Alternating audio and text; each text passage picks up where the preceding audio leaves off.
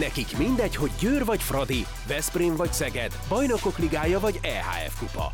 Csúcskézilabda egy helyen, töményen, Ágai Kis András és Borsos Attila előadásában, a kézi vezérlésben, a Sport TV és a 24.hu közös podcastjában.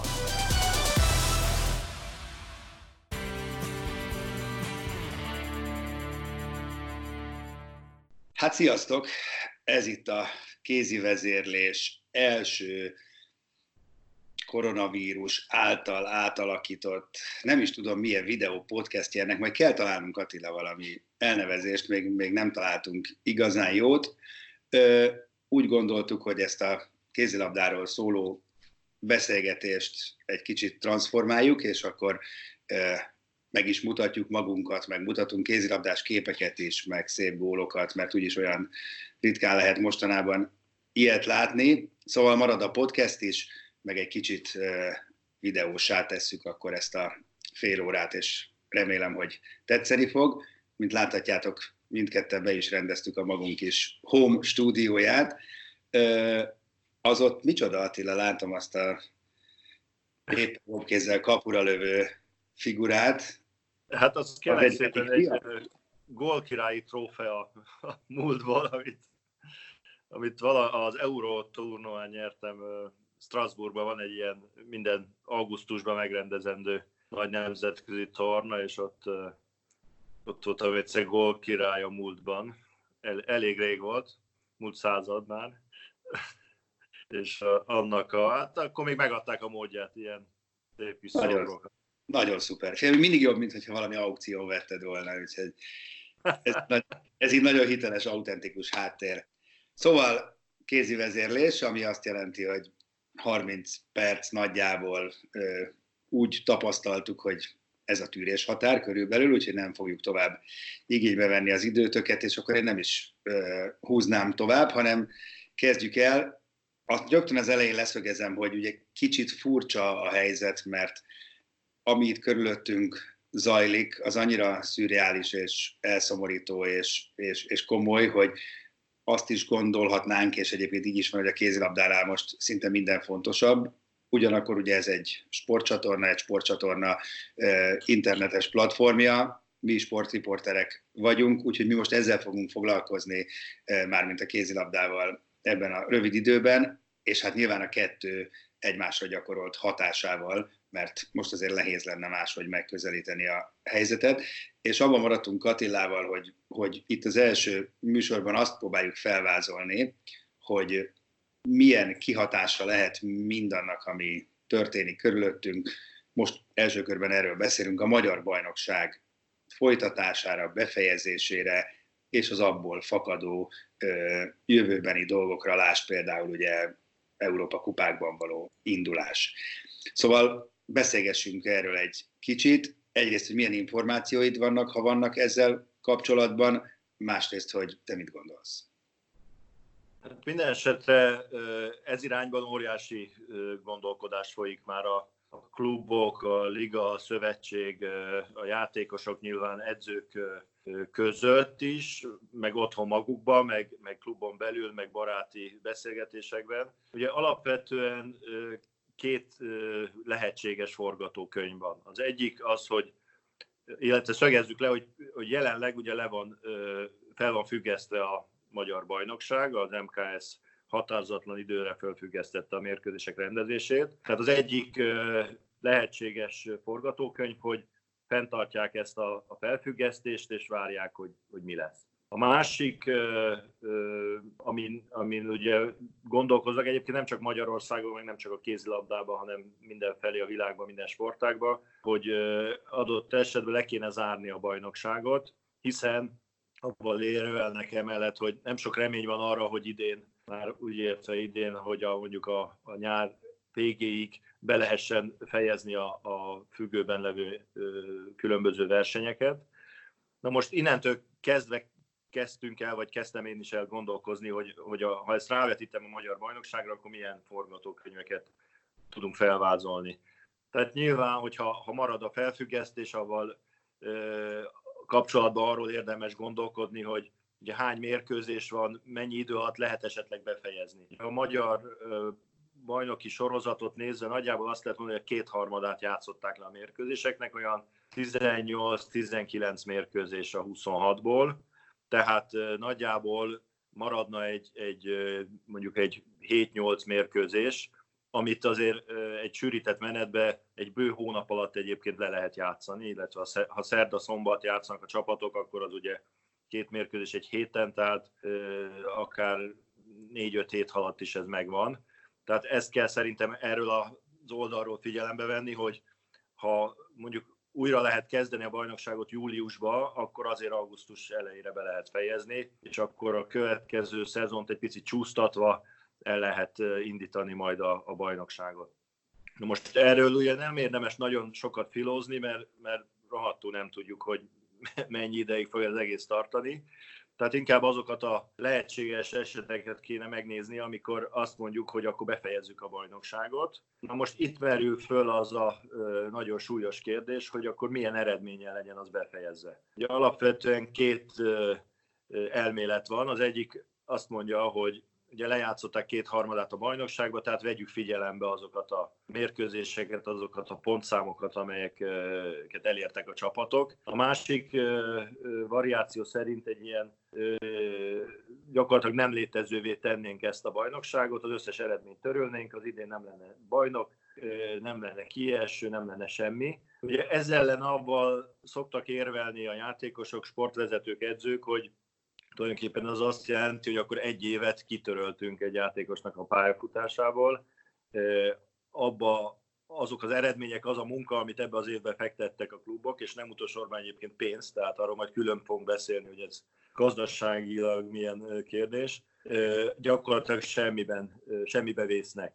A, a másik verzió szerint illetve van egy harmadik esetleges verzió, hogy, hogy valahogy kombinálni az elmúlt évek eredményeit a, avval, amit idén értek el a csapatok. Hát ez persze marha komplikált, meg, meg milyen alapon, meg hogy, de hát e, ezen is esetleg lehet gondolkozni. Na várj, várj, rendben, megvan a három verzió, neked melyik a legszimpatikusabb? Én nekem most így első hallásra nem gondoltam nagyon mögé, meg mélyen, de azt gondolom, hogy a kétharmad az már egy elég jelentős számnak tűnik. Tehát én arra hajlanék így elsőre, hogy itt a vége, ahol most tartunk. Hát ezzel emellett biztos vannak érvek. Na most ami, ami ellene szól, és ezért én személy szerint nem tartanám teljesen jónak, hogyha tisztán csak azt ezt a kétharmadnyi bajnokságot vennénk figyelembe, mert ugye a bajnoki cím kiosztása a férfiaknál, akkor az egy hát szóval elég, elég hülyén néznek ki, de egyforma pont találnak a, a csapatok, Már egyel többet játszott Igen, egyébként ez tök jogos. Azon gondolkodom, hogy feltétlenül muszáj lenne pont ugyanazt a metódust követni a lányoknál, mint a fiúknál. Ez azért is kérdezem, mert maga a bajnokság lebonyolítása sem ugyanaz, hiszen a férfi bajnokságban van rájátszás, a női bajnokságban nincs. Igen, tehát ezzel is el lehet gondolkozni, de talán azt mondom, hogy az, hogy ki legyen a bajnok idén a fiúknál, nem, nem olyan borzasztó nagy probléma vagy kérdés, mert, mert szerintem a Veszprémnek azt mondják, hogy most nem tudom, 29-szer voltak bajnokok, vagy nem emlékszem a pontos számra, de nagyjából ilyesmi, egyel több vagy kevesebb, az annyira nem zavarja őket. A Szegednél is azért voltak már jó párszor bajnokok, nem hiszem, hogy, hogy ez, ez nagyon nagy gond lenne. Itt inkább, a, ha lejjebb nézünk a bajnoki tabellán, a harmadik, negyedik, ötödik, hatodik hely, az lenne igazán izgalmas, hiszen jelenleg azt látjuk, hogy a, a Gyöngyös a harmadik, és a, azt hiszem a Tatabánya negyedik, és a Fradi az ötödik talán így van, és még a Balatonfüred van egy ilyen egy-két-három pontos közelségbe. Ráadásul nem egyforma meccseket játszottak a, a csapatok, azt hiszem a Tatabányának egyet több van, tehát nyilván akkor, akkor azt le kéne venni azt az utolsó meccset, amivel többet játszottak, viszont ha megnézi az ember a bajnoki menetrendet, illetve a sorsolást, akkor azt látja, hogy a Gyöngyös fog még játszani a Veszprémmel is, meg a Szegeddel is, meg a Tatabányával is, meg a Fradival is. Tehát egyáltalán nem tűnik biztosnak, sőt biztosnak tűnik az, hogy nem nyeri meg az összes mérkőzését, a maradék nyerte volna meg maradék időszakban. Ugyanakkor például megnézzük a Tatabányát, ők már játszottak a Veszprémmel is, játszottak a Szegeddel is, játszottak a Fradival is, és fognak játszani, vagy játszanának a gyöngyössel. Tehát, hogyha egy elméleti... Tehát még ott van a kiesés kérdése. Igen, ami... csak, tehát itt, itt ez azért fontos, mert itt azért a, a EHF kupa indulási jogok, azok nagyon sokat érnek. Ugye ez a BL indulási jogot nem nagyon befolyásolja, mert a, a Szeged meg a Veszprém el fog tudni indulni. Az, a, az egyik az ugye a bajnok jogán, a másikat valószínűleg white cardral el, elengedik. De az EHF kupában ugye elvileg három helye van a magyaroknak, és erre azért minimum négy csapat be van jelentkezve. Igen, Na most... az NB1-es tagság is nagyon sokat ér, tehát ott a veszélyes csapatoknak az életükről van. Így van. Na most ebben kapcsolatban egyébként az általános vélemény, hogy, hogy ne legyen kieső ebben az évben. Tehát ö, ö, mindenki maradna a helyén. Ez viszont azt a problémát veti előre, hogy aki az NB1B-ben mondjuk feljutó helyen áll, annak mit mondunk, hogy hoppá, adott esetben tényleg milliókat, tízmilliókat beleöltetek ebbe a csapatba, hogy feljussatok, most meg azt mondjuk, hogy maradjatok a helyeteken, ez lehet, hogy akár a végét is jelentheti egy klubnak. És tulajdonképpen nem csak az NB1-be kell gondolkodni, hanem egész végig lehet nézni, azért ugye a maga szintjén minden csapatnak NB2-be is akár ez óriási kérdés, hogy most föl tud-e jutni, vagy nem tud feljutni. Tehát mindenképpen... Hogy itt százszázalékosan jó megoldás nincsen. Tehát az, az biztos, hogy itt olyan határozott döntés nem születhet, ami után mindenki azt mondja, hogy fú, ez tök jó, így nekem ez így rendben van. Itt a kisebb rossz felé kell valamennyire elmenni. Igen, igen, igen. Hát ez, ez tényleg azt hiszem, hogy, hogy azt a hitvitát kell először megoldani, hogy, hogy a tavalyi eredményeket vigyük át idénre, már olyan értelemben, hogy a, az Európa Kupa helyek kiosztása, meg a feljutás, meg a kiesés, meg ilyen tekintetben, vagy pedig a lejátszott mérkőzéseket vegyük valahogy tekintetbe. Ugye, ha tovább megyünk, akkor a fő probléma az a lányoknál. Így van. Ezt akartam mondani, hogy... A lányoknál igazán éles, hiszen a, ott a a Siófok és a, a Ferencváros között óriási a tét, konkrétan a, a BL indulási jog. Hiszen jelenleg ugye a Siófok a második, és elvileg a szabad kártyát neki kéne kikérni majd a szövetségnek, különösen úgy, hogy az EHF kupa után a magyaroknak jutó BL indulási szabadkártyát is tulajdonképpen a Siófok jó szereplésének köszönhetjük többiekének is egyébként, mert azért a csoportkörben ott volt a Debrecen és az Érd is, és az értékes pontokat szereztek ilyen tekintetben. Tehát a jelenlegi felállás szerint inkább a siófokot illetné ez a szabadkártya, viszont hogyha a tavalyi eredményt veszük figyelembe, akkor a Fradi volt a második. Hogyha visszanézzünk, mondjuk azt mondjuk nem csak a tavalyit nézzük, hanem visszanézve három-öt évre, és akár az összes eredményt figyelembe veszük, akkor is egyértelmű, hogy, hogy a Ferencváros e, igen, kaphatná ez ezt a ez igaz. Nézzünk egy másik aspektust, most nyilván magamra haragítok egy csomó fradistát, viszont ha megnézzük ennek a bajnokságnak a lefolyását, akkor a Siófok gyakorlatilag az összes rangadóján túl van, az összes nehéz meccsét lejátszotta, beleértve a Fradita, Győrt, és még sorolhatnám, és ugye ha megnézzük a sorsolást, akkor azt látjuk, hogy persze matematikailag még simán lecsúszhatna arról a második helyről, de ahhoz olyan vereségek kellenének, amelyeknek most nagyon-nagyon kicsi a valószínűsége, függetlenül attól, hogy a Ferencváros hogy szerepel a bajnokság hátralévő részében. Ilyen formán velük szemben ez meglehetősen unfair lenne. Ez egyértelmű, tehát ez, ez egyértelmű. Azért mondom, hogy nincs itt tulajdonképpen jó megoldás, ez az egyik verzió, de azért ez egy nagyon, nem, nem mondanám, hogy különös, de azért nagyon jól mutatja, hogy az embereknek, illetve a kluboknak a, az álláspontja az, az rendkívüli módon befolyásolva van azáltal, hogy éppen ők hogy állnak, meg mi a jó nekik. Tehát nyilván azok a klubok, akiknek a jelenlegi állást, ha lefagyasztjuk a, a tabellán, az jó nekik, akkor azt fogják támogatni. Akiknek pedig nem sikerült a nagyon jól ez a szezon idáig, azok meg azt fogják támogatni, hogy a de ez, jó, de ez, ez azért azt gondolom, hogy emberileg érthető. Hát persze, csak, csak az igazságosságtól messze van.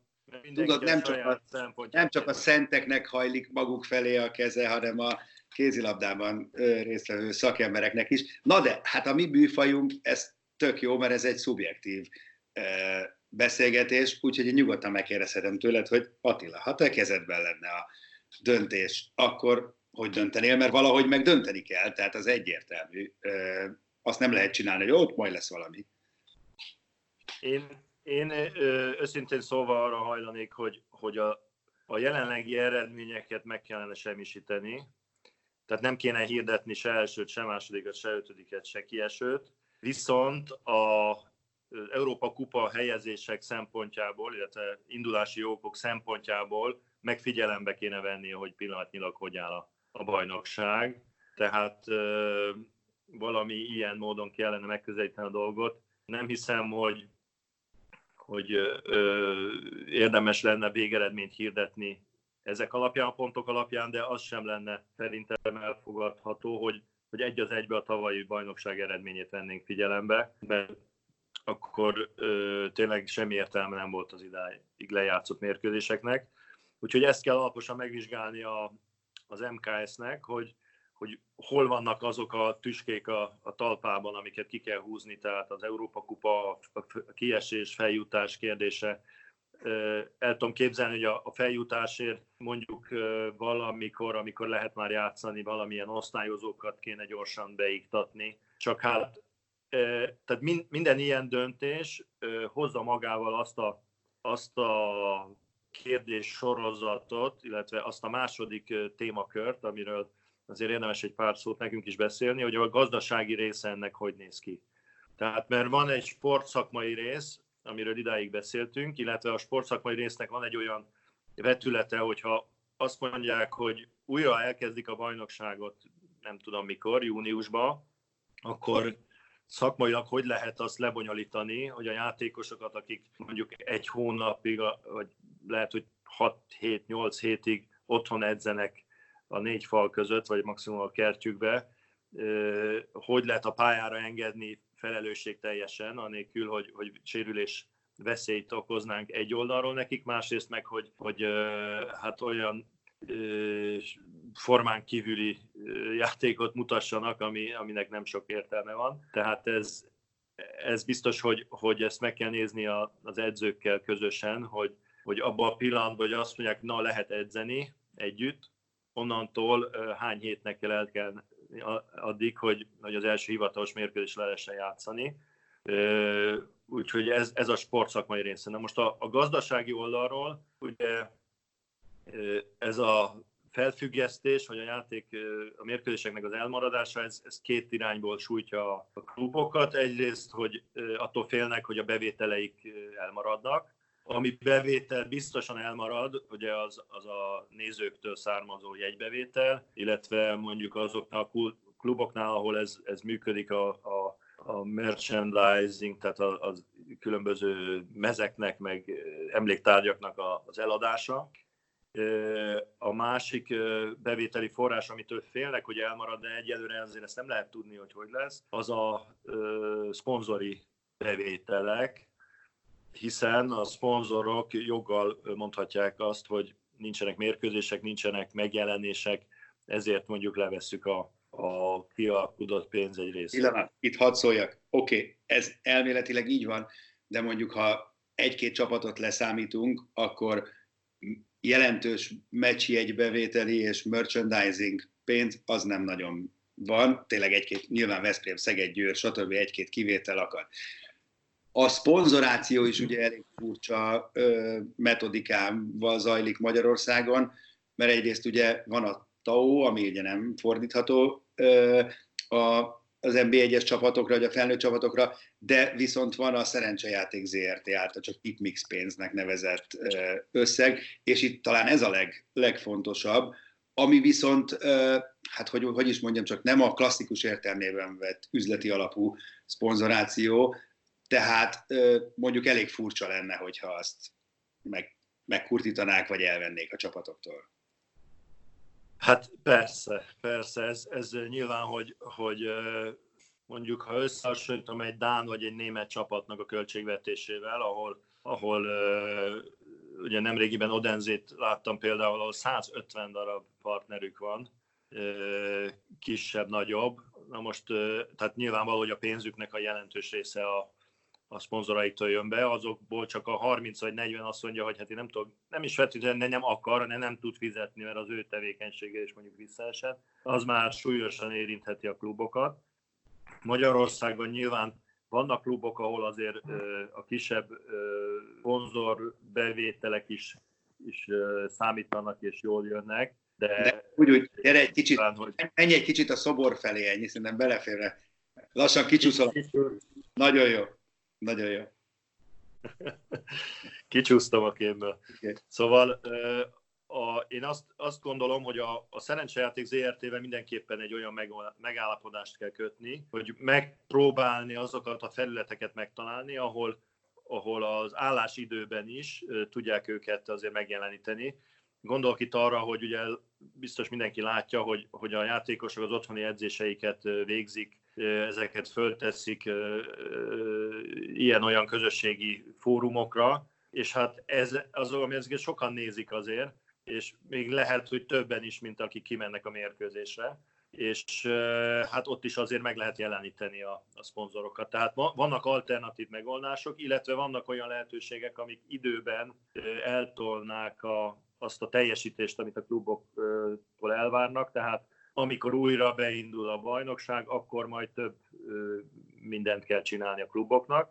Illetve van egy harmadik verzió, ugye arról múltkor már azt hiszem talán beszéltünk, hogy, hogy a, lehet, hogy két ütembe kéne elindítani a játékot. Az egyik az elején mondjuk az ártkapus mérkőzésekkel játszani addig, amíg a, a veszély nem teljesen múlt el, és nyilván, hogy az ártkapus mérkőzéseken már a televízió közvetítéseken keresztül lehetne a, a szponzoroknak kielégíteni az igényeit. Úgyhogy ez, ebbe szerintem egy közös gondolkodás kell, és akkor azért meg lehet oldani. Na most azért amellett szerintem nem menjünk el, hogy ugye ami az egyik oldalról a bevétel kieséstől félnek, a másik oldalról meg azt mondják, hogy hát neki fizetni kell a játékosokat. Hát ez az. Hát ez az. És az ekkora nagy kiadás. és arról se feledkezzünk meg, hogy hogy hát van azért egy, egy jó pár klub a különböző szintjein az NB1-nek vagy az NB1B-nek női férfi fronton, akiknek azért elég komoly gazdasági gondjaik vannak, és nem áll távol tőlük az a gondolat, hogy ezt a helyzetet kihasználják arra, hogy egy kicsit megkönnyítsék ezeket a gazdasági problémákat abban, hogy mondjuk a játékosaikat nem fizetik, vagy nem úgy fizetik, ahogy eddig. Tehát e, ennek is azért valamennyire gátat kéne szabni, mert, mert azt gondolom, hogy egy sportvállalkozásnál ö, nyilvánvaló, hogy a, a legtöbb pénz az a játékosoknak a bére, viszont az egész erről szól, ebből él az egész klub, az összes ember, aki ott dolgozik, az mást kellene, hogy csináljon, hogyha nem lennének a játékosok. Tehát ö, itt is szerintem valami kompromisszumot kell ö, megtalálni, hogy nyilvánvaló játékosnak is adott esetben el kell fogadnia, hogy valamennyi jövedelméről le kell mondania, hiszen rendkívüli helyzet van. Viszont a kluboknak is meg kell türtőztetniük magukat, hogy, hogy mondjuk felbontsanak szerződéseket, vagy ne fizessenek ki játékosokat arra hivatkozva, hogy, hogy a koronavírus befolyásolja a gazdasági tevékenységüket. De szerinted ez lehet valami központi direktíva alapján, vagy ezt minden klubnak, minden klubvezetőnek magának kell meghozni ezt a döntést. Hát önálló gazdasági társaságokról beszélünk. Így van, önálló gazdasági társaságok vannak, illetve vannak jogszabályok, meg, meg mindenféle jogelvek, amiket követniük kell a, a munkajog területén is. Tehát alapvetően ez mindenkinek a saját döntése, de azt hiszem, hogy az MKS-nek mindenképpen kell valamilyen olyan támpontot nyújtani a kluboknak, hogy szerintük mi lenne az ideális megoldás, amit lehet követni, meg lehet nem követni, mert mindenki azt csinál, amit akar, de nyilvánvaló, hogy, hogyha valaki nem követi, akkor annak lehetnek olyan következményei, például a Szerencsejáték ZRT pénzelosztási mechanizmusában, amiben ugye nem tudom, hogy a szövetség mennyire tud belenyúlni, de azért valamennyire biztosan tudja ezt befolyásolni. Tehát ezzel is azért van egy eszköz a kezébe az MKS-nek, vagy adott esetben nemzetközi szinten az EHF-nek, hogy, hogy nyomást gyakoroljon a klubokra, hogy tartsanak rendet azért, a, vagy a, próbálnak igazodni a, a munkajogi szabályokhoz.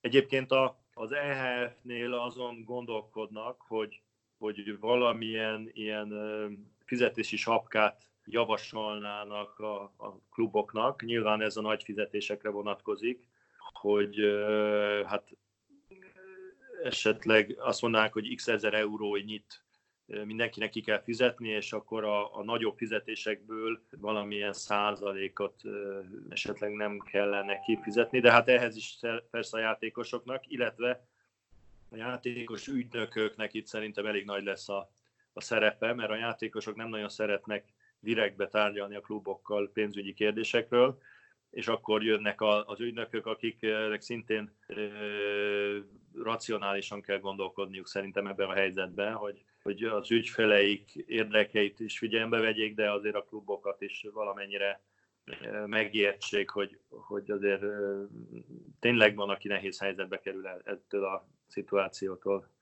Hát bizonyám. Közben az jutott eszembe, azon mosolygok itt magamban, hogy előállt ez a teljesen abszurd helyzet, hogy így, hogy nincs játék, így olyan 5 millió kérdés és téma merül fel, és tényleg az ember fejében csak így száguldoznak a, a gondolatok, hogy hány aspektusa van ennek az egésznek. Azért pillangattam lefelé közel itt a telefonom, és néztem az órát, hogy, hogy nagyjából hol tartunk, és szerintem közeledünk uh, ahhoz a bizonyos fél órához, úgyhogy szerintem új témában most ne, ne fogjunk bele, mert nyilván az is egy nagyobb lélegzetű lenne, tehát itt az olimpiai selejtezőn keresztül az olimpián, a bajnokok ligáján, és még, még, még érdek, úton, módon rengeteg téma van, amiről majd beszélnünk kell, úgyhogy ezért gondolom, hogy, hogy van létjogosultsága ennek a, műsornak, ennek a kézi vezérlésnek, mondd mert látom, hogy valamit mondanál. Nem csak az jutott eszembe, hogy, hogy mondtad, hogy 5000 kérdés fölmerül. Tehát például az egyik, ami, ami nagyon élesen föl fog merülni, az az átigazási piacot, hogy ö, befolyásolja ez a, a helyzet, és, és ugye úgy, mint a futballban, a kézilabdában is nagyon nagy veszélye van annak, hogy az erősek még erősebbek lesznek, a gyengék még gyengébbek.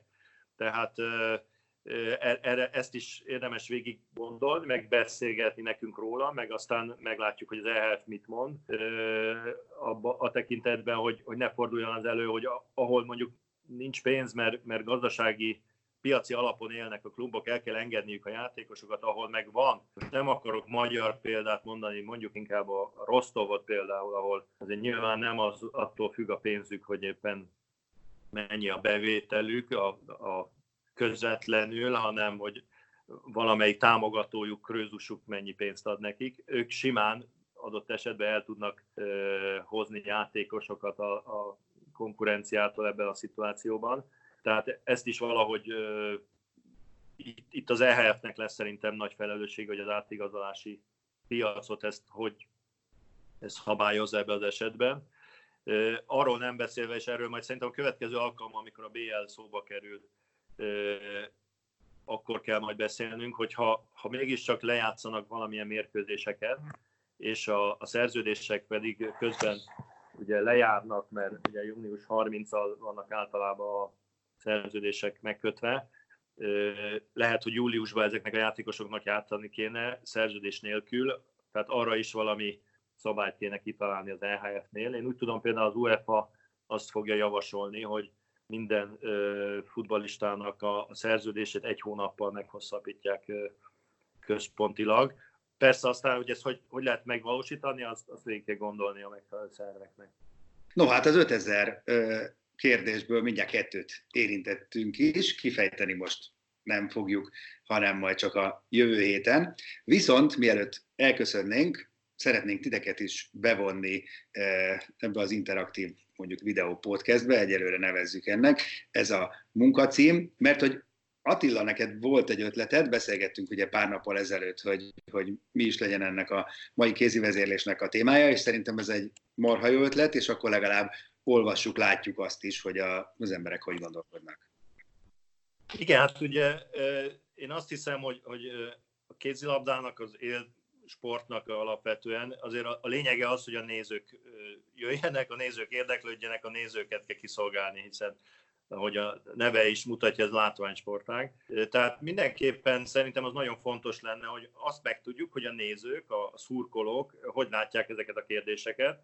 Tehát az lenne jó, ha, ha elmondanátok nekünk, hogy, hogy abból a három variációban, amit itt felvetettünk, tehát az első variáció az, hogy, hogy maradjon felfüggesztve a bajnokság egyelőre, határozatlan ideig, a második verzió, hogy zárjuk le a bajnokságot most a jelenlegi eredményekkel. A harmadik variáció pedig, hogy, hogy zárjuk le a bajnokságot, és vegyük figyelembe a tavalyi eredményeket minden lényeges kérdésben. Tehát e három lehetőség közül szerintetek melyik a nyerő, és ki mire adná a voksát. Jó, akkor viszont még egyszer, és ö, tovább fejlesztem. Tehát akkor három választ. Úgy szeretnénk kérni a választ, nevezzük A, nagy A, nagy B, nagy C, hogy mindenképpen úgy kezdjétek, és ezt kommentben kérjük szépen majd a, a poszt alá véleményeteket, hogy mielőtt kifejtitek és megindokoljátok, hogy miért, kezdődjön egy nagy A-val, egy nagy B-vel, vagy egy nagy C-vel. És akkor most még egyszer egyértelműsítsük. A nagy A az, hogy maradjon felfüggesztve a bajnokság eh, határozatlan ideig, és eh, várjuk meg, hogy mi fog történni. És folytassák valahogy? És folytassák valahogy, igen. Jó. Ez volt a nagy A. Nagy B. A nagy B az lenne, hogy rekesszük be a bajnokságot a jelenlegi állás szerint, tehát mondjuk 18 fordulót eredményét figyelembe véve, és akkor a nagy C pedig, hogy rekesszük be a bajnokságot, de ne vegyük figyelembe a, jel, a lelátszott, lejátszott mérkőzéseket, hanem a tavalyi eredmények alapján döntsék el azokat a kérdéseket az MKS-nél, ami a, Európa Kupa indulási jog, kiesés, feljutás, bajnoki cím, etc. Nagyon szuper. Tehát A, B vagy C, erre kérünk titeket, hogy kommentbe a poszt alá írjátok oda a véleményeteket, és akkor már az első adással búcsúzunk vélhetően jövünk egy hét múlva, kiértékeljük a szavazást, és persze új témáról is beszélgetünk. Sziasztok!